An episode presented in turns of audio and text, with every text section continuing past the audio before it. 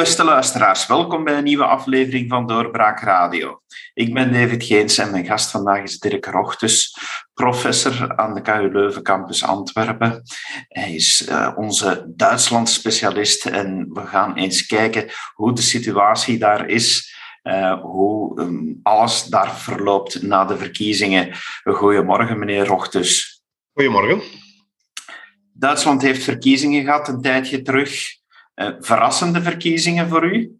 Toch wel. Um, omdat um, anders dan men verwacht had, de SPD, de Sociaaldemocraten, enorm vooruit gegaan zijn. In de opiniepeilingen stonden ze op 15%.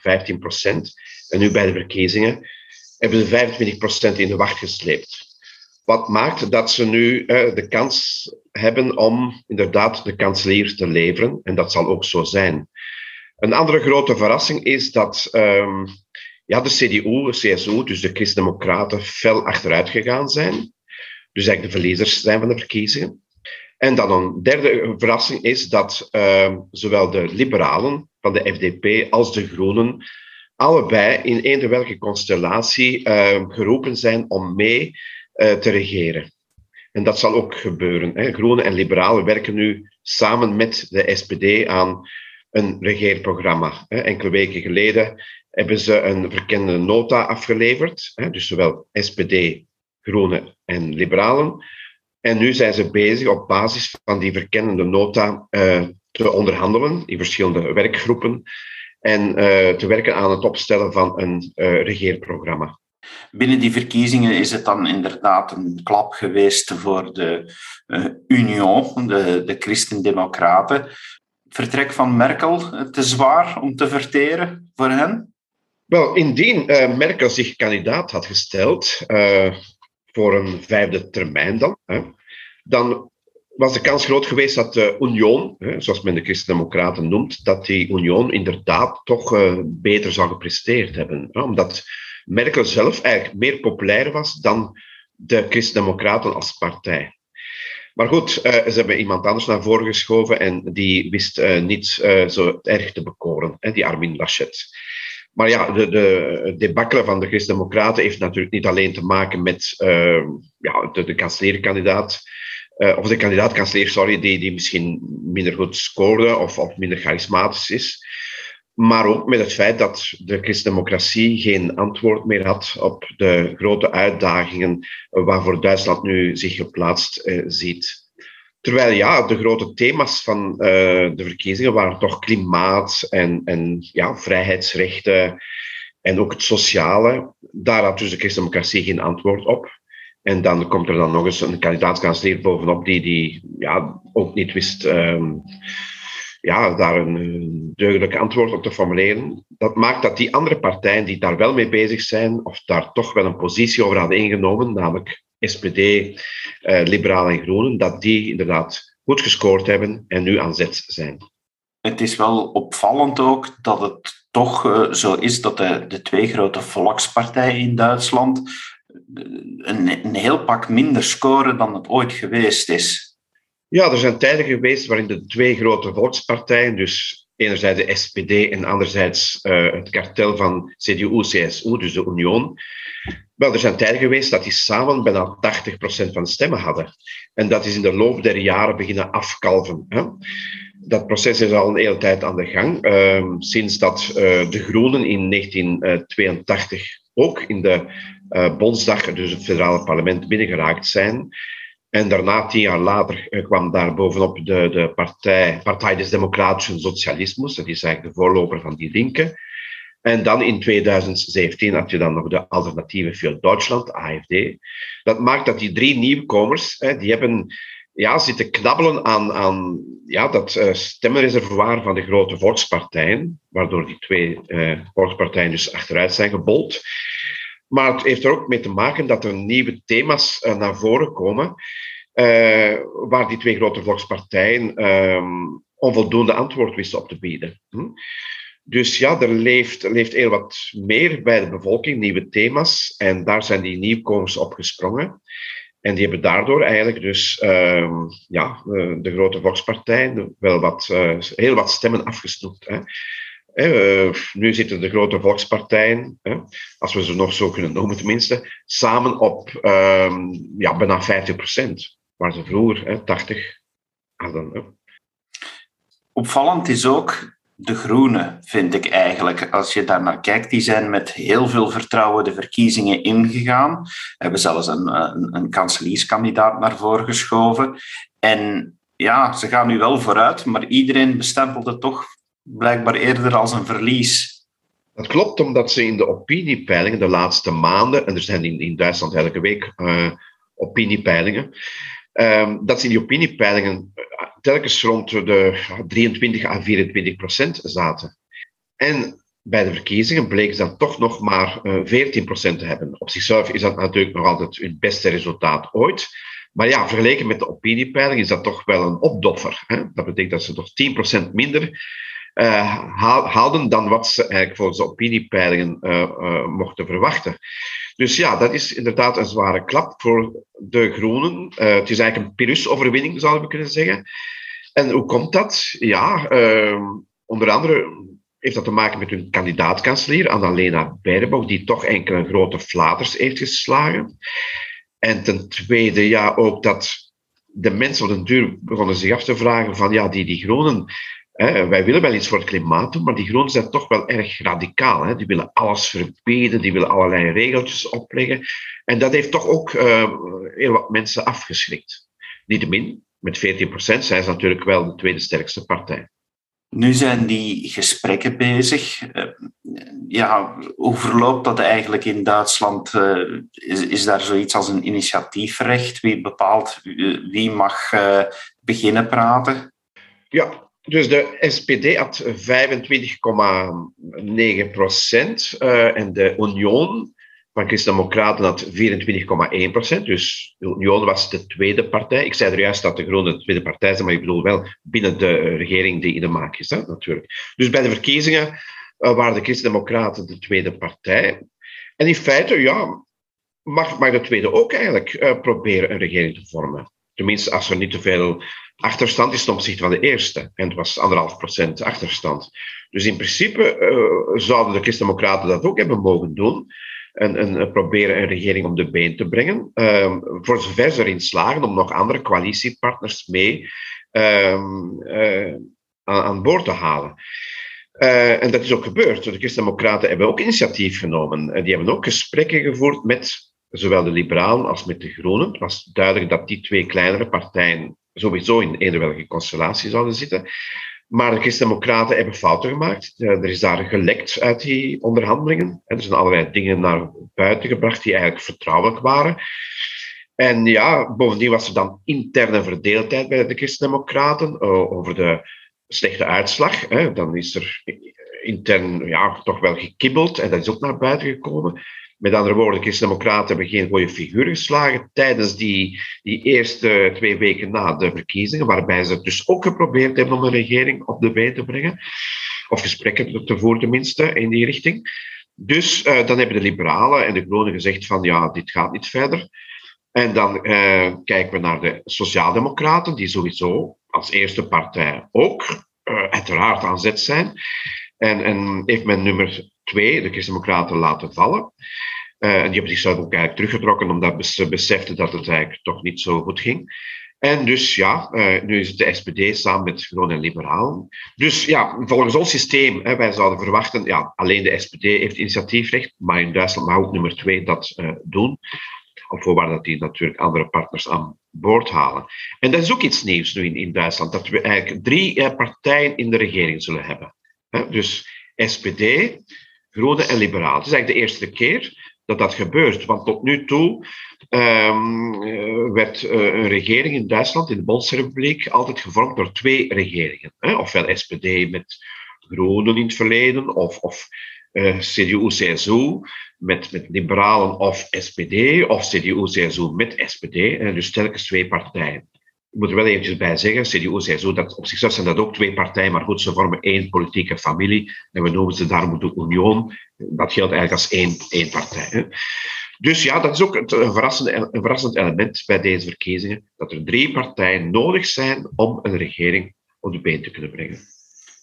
Komt dat er ook een versnippering? Iets wat we in gans Europa zien, nu ook in Duitsland?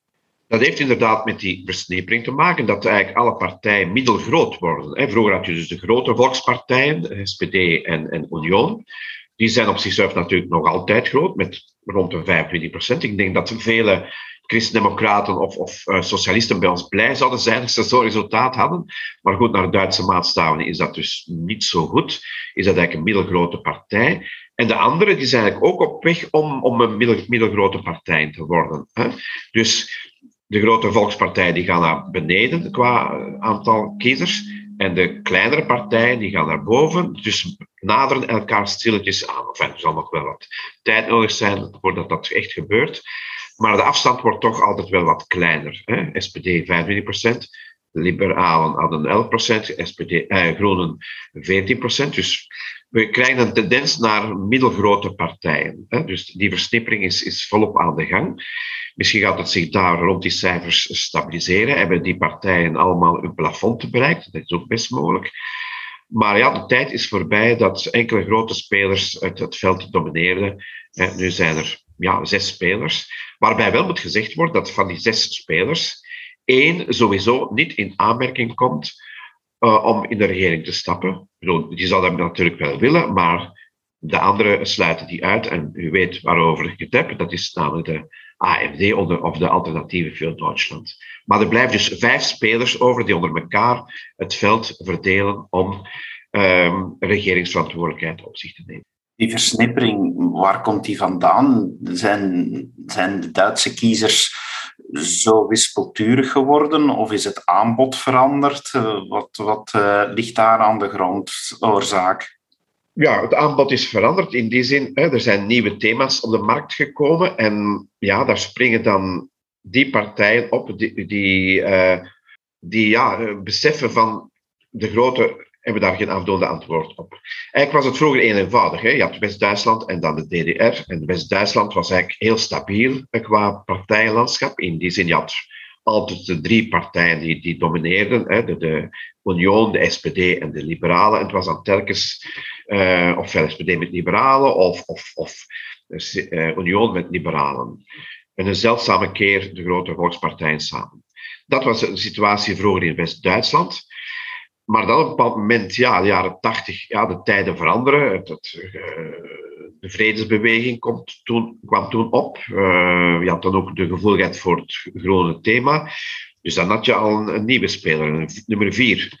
En dan, Oost-Duitsland heeft ook heel wat veranderd. Hè? Uh, in die zin dat, doordat ja, de DDR opgehouden heeft te bestaan en, en dat gebied zich aangesloten heeft bij West-Duitsland, dat je daar ook andere gevoeligheden had. Hè? Um, namelijk, ja, je had daar eh, een gevoeligheid in die zin dat de, de, de dominerende partij van de DDR, dat die eigenlijk verveld is tot een, een partij van, van het democratische socialisme, zoals ze zichzelf noemde. Uh, links, linksradicaal, dus de huidige, die linken. Um, maar ja, die, die, die appelleerde wel aan het gevoel van veel Oost-Duitsers dat uh, tweederangsburgers waren, dat ze achteruitgesteld waren. En die heeft ook in het begin 20% behaald. Ik bedoel, in Oost-Duitsland. Op, op uh, de hele schaal van de Bondsrepubliek was dat dan iets van een 5 à 6%. En later 8%. Maar ja, dan heb je daar weer al een nieuwe speler. Hè? Omdat er inderdaad met toetreding van de DDR tot het uh, grondgebied van de, van Bondsrepubliek ja, weer nieuwe gevolgheden ontstaan. Hè? En dat is zo gebleven. Weliswaar is de, die linker, dus de opvolger van de PDS, de Partij des Democratische Socialismes, is die linker beginnen afkalven. Maar eigenlijk zijn die stemmen niet gegaan naar de grote volkspartijen, maar wel naar weer een nieuwe speler op het toneel. En dat is de Alternatieve voor Duitsland. Die is in 2013 opgekomen, heeft toen de kiesrempel van 5% niet gehaald, maar wel in 2017. En uh, die blijft toch met 10%, een hele hap uit dat uh, kiezersreservoir uh, halen. Hè. Uh, dat zijn 10% die niet naar de, de, de, andere partijen gaan, die dus eigenlijk verder bijdragen tot die fragmentering. En de AFD, ja, oké, ze, ze doet het niet zo goed in West-Duitsland, maar in Oost-Duitsland blijft ze toch nog altijd heel sterk. Is eigenlijk de tweede sterkste partij in Oost-Duitsland, weliswaar. Ja, want je zei de AFD wordt uitgesloten, maar is dat ook zo in de, in, in de lokale regeringen of uh, wordt ze daar wel getolereerd?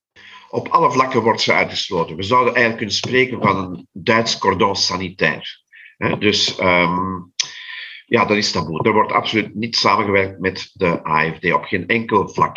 Ik heb wel eens ergens gelezen dat hier en daar op, op vlak dat er bijvoorbeeld gedoogsteun was vanwege de, de AFD, maar dat wordt een beetje onder de mat geveegd. Dat mag niet aan de grote klok hangen worden. De, de officiële politiek is geen samenwerking met de AFD op geen enkele manier.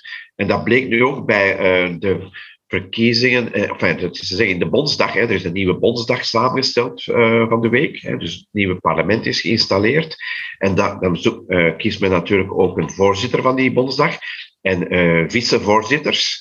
En elke partij schuift dan ook een, een, vicevoorzitter naar voren als, als kandidaat. Hè.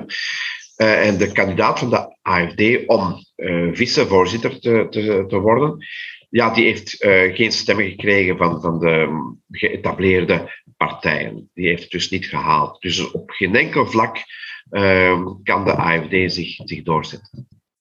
Maar aan de linkerkant, die linke, die wordt niet uitgesloten, want die zit toch wel hier en daar in, in regeringen. Die linke zit inderdaad in enkele regeringen in Oost-Duitsland ehm, en ook in Bremen. Um, ja, zij is natuurlijk linksradicaal. Het is wel zo dat de CDU-CSU uh, eh, weigert met de, die linken te regeren. Hè. Voor de Union uh, is er geen sprake van om met AFD of met die linken uh, samen te werken. Maar aan de linkerzijde, dus bij de SPD en de Groenen, is die um, huiver voor die linken niet zo groot als bij de Union. En daar gebeurt het dus wel dat de SPD en, en Groningen hier en daar uh, met uh, de, die linken in zee gaan. En onlangs is dat nog gebeurd um, in Mecklenburg-Vorpommern, dat is een, een Oost-Duitse deelstaat, helemaal in het noorden van Duitsland. Daar regeert de SPD met de Union, of regeerde moet ik zeggen, want de SPD heeft die Union daar ingeruild voor die linken. En ook in de deelstaat Berlijn, dat is een stadstaat, hè, daar had je vroeger ook rood-rood-groen, dus SPD, die linke, groene. Die, de linken zijn er dan eventjes uit geweest, maar uh, een tweetal weken geleden heeft, uh, de, heeft rood-groen, dus SPD-groene, hebben ze weer die linken in het uh, bestuur van de deelstaat Berlijn opgenomen. Dus daar is geen huiver. En dat is eigenlijk voor, voor um, deze, de regering in de maak toch wel een, een, een, een slecht teken. In die zin dat de SPD als ze al op deelstaatvlak uh, bereid is om met die linken in zee te gaan, dat daar toch in, in die SPD een erg linkse tendens zit, uh, die ja, een schaduw kan hebben op de regering die in de maak is. Dat even terug naar de regeringsvorming die nu bezig is. De verkeerslichtcoalitie, zoals die genoemd wordt, omwille van de kleuren die men in Duitsland aan de partij toekent. Uh, gaat dat dan inderdaad niet een heel linkse regering worden en gaan de liberalen zich daar eigenlijk wel goed bij voelen? De liberalen zullen het zeker niet onder de markt hebben. Uh, ze hebben weliswaar in die verkennende nota uh, hun slag thuis gehaald. Hè. Ze hebben verschillende zaken kunnen doorzetten, of beter gezegd, verhinderen. Hè. Het is eigenlijk niet zozeer dat ze iets concreets hebben in de wacht gesleept, maar wel dat ze we kunnen verhinderen dat bepaalde dingen worden doorgevoerd die ze niet moeten hebben. Dus um, de liberalen hebben zich altijd uitgesproken tegen belastingverhogingen. Oké, die komen er niet. Um, ze hebben zich altijd uitgesproken voor het behoud van de schuldenrem. Schuldenrem of schuldenbremse betekent dat een, uh, een regering slechts 0,35% van het BNP aan kredieten mag ophalen. Dus de FDP heeft dat kunnen bedingen dat aan die zaken niet geraakt wordt. Dus geen belastingverhogingen, geen aantasting van de schuldenrem. Oké, goed. Eh, de Groenen en de SPD hebben dat aanvaard. Maar ja, ze hebben natuurlijk veel geld nodig om al hun ambitieuze doelstellingen te bereiken. Dus ze moeten het ergens anders gaan halen. De vraag is waar. Men spreekt dan van ja, um, overbodige en niet efficiënte subsidies onder de loep nemen en, en die afschaffen, zodat men meer geld in de staatskas krijgt. Maar de grote vraag is natuurlijk, um, gaan de Groenen en de, de, de SPD toch niet proberen om, om ja, die, die beperkingen die de liberalen opgesteld hebben, die stopsignalen als het ware, dus geen belastingverhogingen, geen aantastingen, gaan Groenen en SPD niet proberen om dat te omzeilen. En hier speelt uh, de functie van minister van Financiën wel een heel grote rol. Uh, de liberalen, meer bepaald Christian Lindner, hè, de voorzitter van de FDP, die heeft altijd gezegd: Ik wil minister van Financiën worden. Dat is de tweede belangrijkste functie naast de kanselier. Want het is de minister van Financiën die de uitgaven van zijn collega-vakministers moet goedkeuren. Dus wie die functie heeft, die heeft de touwtjes in handen van de financiën, van het geld. Maar de Groenen willen ook die, die post van minister van Financiën. Hè? Meer bepaald in de figuur van Robert Habeck. En uh, dat is de co-voorzitter van die Groenen. Um, dus ja, dat is nu een beetje een strijd op die aan het woeden is tussen liberalen en groenen over die functie van minister van Financiën. Wie dat die post heeft, bepaalt het geld.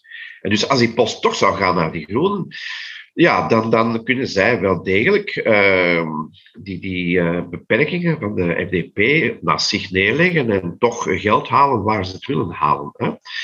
Dus dat is eigenlijk een, een heel delicate situatie. Als de liberalen daarnaast grijpen, ja, dan, dan zitten ze eigenlijk in een hoek gemanoeuvreerd. Um, ja, dat is heel bedenkelijk. De gesprekken die nu bezig zijn, naar Belgische normen zijn ze nog niet lang bezig in Duitsland. Uh, is dat naar Duitse normen ja, iets wat, uh, wat we mogen verwachten dat nu ook langer gaat aanslepen? Vroeger was het zo dat een regering eh, binnen de maand werd gevormd. Maar ja, naar langer meer spelers op het veld kwamen, werd het moeilijker om een coalitie te vormen. Uh, bij de laatste verkiezingen in 2017 heeft tot februari geduurd. Verkiezingen zijn altijd in september. Hè. Dus dan heeft het bijna ja, vier à vijf, vijf maanden geduurd hè, voordat er een regering uh, was gevormd. in 2017, 2018 dus. Uh, maar deze keer verwacht men wel dat het sneller zal gaan. men verwacht dat tegen begin december de regering ingezworen kan worden. Dat is dan ongeveer twee volle maanden dat is vergeleken met vroeger natuurlijk heel wat uh, langer dan, dan uh, verwacht, um, maar nog altijd veel minder dan 2017. En toen was het echt wel dramatisch. En toen was het echt heel moeilijk. Dat, dat had men nog nooit gezien in Duitsland, dat een federale regering vijf maanden nodig had om gevormd te worden. En men heeft eh, daaruit ook wel wat lessen getrokken, hè, van we moeten dat meer zakelijk aanpakken. En dus deze keer zal het wel wat sneller gaan, waarschijnlijk toch. Hè. Er zijn natuurlijk, als men struikelt over die post van minister van Financiën, hè, dat is natuurlijk uh, een, een, ja, struikelblok. Hè. Maar als dat lukt tegen begin december, ja, dan is het naar Duitse maatstaven nog behoorlijk. Ja in wat gaan we het verschil voornamelijk zien met deze regering en de regeringen van, van Angela Merkel? Uh, gaat het echt een, een stijlbreuk worden? Uh, ook qua inhoud bedoel ik dan voornamelijk? Ja, er staat heel wat op de agenda. Hè. Ze hebben heel wat grote ambities, hè. Uh, vooral dan op het vlak van klimaat. Hè. Daar wil ze eigenlijk het verschil maken. Hè. Dus men denkt dan, de verbrandingsmotor uh, afschaffen of, of laten uitlopen, uitstappen uit de, uh, de steenkoolenergie. Dus, dus het opwekken van uh, stroom via steenkool en bruinkool, ja, daar wil men uitstappen tegen 2030. En men is al uit de atoomenergie gestapt, dus ja, wat blijft er dan over? Dan moet men volledig inzetten op vernieuwbare energie. En um, ja, dat vergt natuurlijk een hele omschakeling. Dus men denkt dan meer uh, e-mobiliteit en, meer windmolens. Men wil eigenlijk 2% van het grondgebied volplanten met uh, windmolens. Men wil op alle daken uh, zonnepanelen leggen. men wil 400.000 nieuwe woningen per jaar bouwen. Dat is dus al een heel groot verschil, hè, die klimaatambities. Dan de tweede, ook op het vlak van migratie, uh, gaat men toch uh, minder streng zijn dan de vorige regering. Uh, Oké, we weten dat Merkel in 2015 natuurlijk heel soepel is geweest, maar daarna is er wel een verstrenging opgetreden. maar nu wil men eigenlijk ja, toch ook weer een mouw aanpassen in die zin van minder asielzoekers um, land uitzetten. En als ze hier al een tijdje verblijven en ze kunnen in hun levensonderhoud voorzien, kunnen zij gemakkelijker ingeburgerd worden. Hè? Of kunnen zij staatsburgerschap krijgen. Ook dat is een stijlbreuk. Hè? En ja, de kritiek van de oppositie is van ja, we gaan hier weer een aanzuigeffect krijgen. Hè? Dus vooral op het vlak van klimaat en migratie uh, gaat het verschil heel goed zichtbaar zijn. Wat voor een figuur is de huidige kandidaat-kanselier? Eh, gaat, gaat die enorm veel verschil maken, bijvoorbeeld in, in wat wij dan gaan voelen, de, de Duitse politiek in, in Europa? Want uiteindelijk neemt die daar wel de leiding in. Wel, Olaf Scholz was in de vorige regering minister van Financiën. Hij komt heel nuchter en zakelijk over. Hij geldt een beetje als de man van de, de rechterzijde van de SPD. Dus uh, nuchter en zakelijk. Maar ja, de vraag is natuurlijk of hij kan standhouden binnen zijn eigen partij. Want uh, binnen de SPD heb je wel heel linkse krachten uh, die toch verder willen gaan. Um, en dat hebben we ook gezien hè, met die, die coalitiewissels in die verschillende deelstaten waar men de linken aan boord heeft gehaald. Dat zet druk op de SPD in de richting van meer links te gaan. Maar Scholz, ja, oké. Gaat hij standhouden, is de vraag. Hè? Um, wat Europa betreft, ja, dat is ook een, een grote hamvraag. Um, dus ja, de FDP um, verzet zich tegen wat ze noemt een schuldenunion. Dus dat men meer transfers doet naar het zuiden, of dat er een vergemeenschappeling van de, de schulden komt in de Europese Unie. Daar is de, de FDP uh, radicaal tegen. Maar uh, ja, de SPD, ook met Scholz als kanselier, en de Groenen, die, die zien dat wel anders. Hè. Die, die willen meer uh, ja, solidariteit, zoals ze dat noemen binnen de Europese Unie. En dus meer uh, schulden maken op, op gemeenschappelijk Europese vlak. Hè. Dus dat kan wel een groot verschil maken. Het verandert dus duidelijk na 16 jaar, Angela Merkel. In uw recent verschenen boek Scherpe Rechters van de Geest hebt u daar ook een heel essay aan gewijd. Um, zal Duitsland anders zijn dan, uh, dan vroeger? Zal Angela Merkel iemand zijn die we zullen herinneren, die, die voor een zekere ja, rustige uh, vastheid heeft gezorgd in Duitsland? Wat, uh, wat, wat gaan we vooral onthouden, of wat zal de geschiedenis vooral onthouden van Angela Merkel?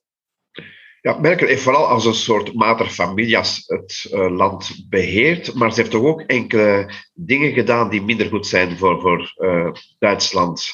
Uh, zo is ze bijvoorbeeld als over kop uit de atoomenergie gestapt. Hè. Eerst was ze ervoor en dan naar Fukushima. Plotseling zegt ze, ja, kom, we stappen eruit. Hè. Dus een beetje een windhaan. Ze heeft natuurlijk ook de, de migratie uh, ongebreideld toegelaten in 2015, 16. Achteraf is er wel van teruggekomen, maar, maar ja, het, het was gebeurd. Hè? En, en het aanzaageffect is gebleven. Um, dus dat heeft veranderd ook de maatschappij. En ze heeft ook haar partij veranderd. men verwijt haar wel eens binnen de, de Union dat ze de christendemocratie gesociaal democratiseerd heeft. Hè? Dat ze de CDU zo meer naar links heeft doen opschuiven. En um, daar komt nu binnen haar eigen partij ook verzet tegen. Men wil meer het conservatieve waardepatroon herontdekken. En daarom is het goed dat de Union nu in de oppositie zit om zichzelf te kunnen herbronnen. Hè? Want op, op, het moment ligt zij in de lappenmand, ook ideologisch. Hè? Dus een herbronning doet, uh, is wel noodzakelijk. Ja, uh, Duitsland is veranderd. Is eigenlijk, uh, moeten we zeggen, meer naar links opgeschoven, maatschappelijk toch. Misschien economisch niet zozeer, want uh, op sociaal vlak, uh, ja, oké, okay, er nog veel dingen die, die de linkerzijde natuurlijk niet graag ziet. Um, maar op maatschappelijk, cultureel vlak zien we toch dat de linkerzijde in Duitsland um, gewonnen heeft, of de hegemonie bezit. En die culturele hegemonie, om in de woorden van Gramsci te spreken, ja, die wordt nu natuurlijk nog kracht bijgezet door het feit dat diezelfde linkerzijde nu de politieke macht heeft op federale vlak. Dus ja, Duitsland wordt een meer links land. We zien dat op alle vlakken. Hè. Denk maar aan de, de, de gendersvragen. Hè. Dus de, de, manier waarop de taal ook wordt veranderd. Hè. Dat men ja, met het gendersterretje werkt. Dat wil zeggen dat men woorden zowel eh, een soort eh, vorm geeft waardoor iedereen zich inclusief aangesproken moet voelen. Dus dat ja, dat geldt op alle vlakken. Duitsland wordt een meer links land boeiend om het allemaal te blijven volgen. Het zal de komende maanden nog wel duidelijk worden welke richting de nieuwe regering uitgaat. En dan zullen we daar waarschijnlijk nog wel op terugkomen. Meneer Rochtus, hartelijk dank dat u de tijd hebt genomen om toe te lichten hoe het er momenteel voor staat in Duitsland. Graag gedaan. En uw beste luisteraar, dank u wel om te luisteren en heel graag tot de volgende keer. Dag. Dit was een episode van Doorbraak Radio de podcast van doorbraak.be.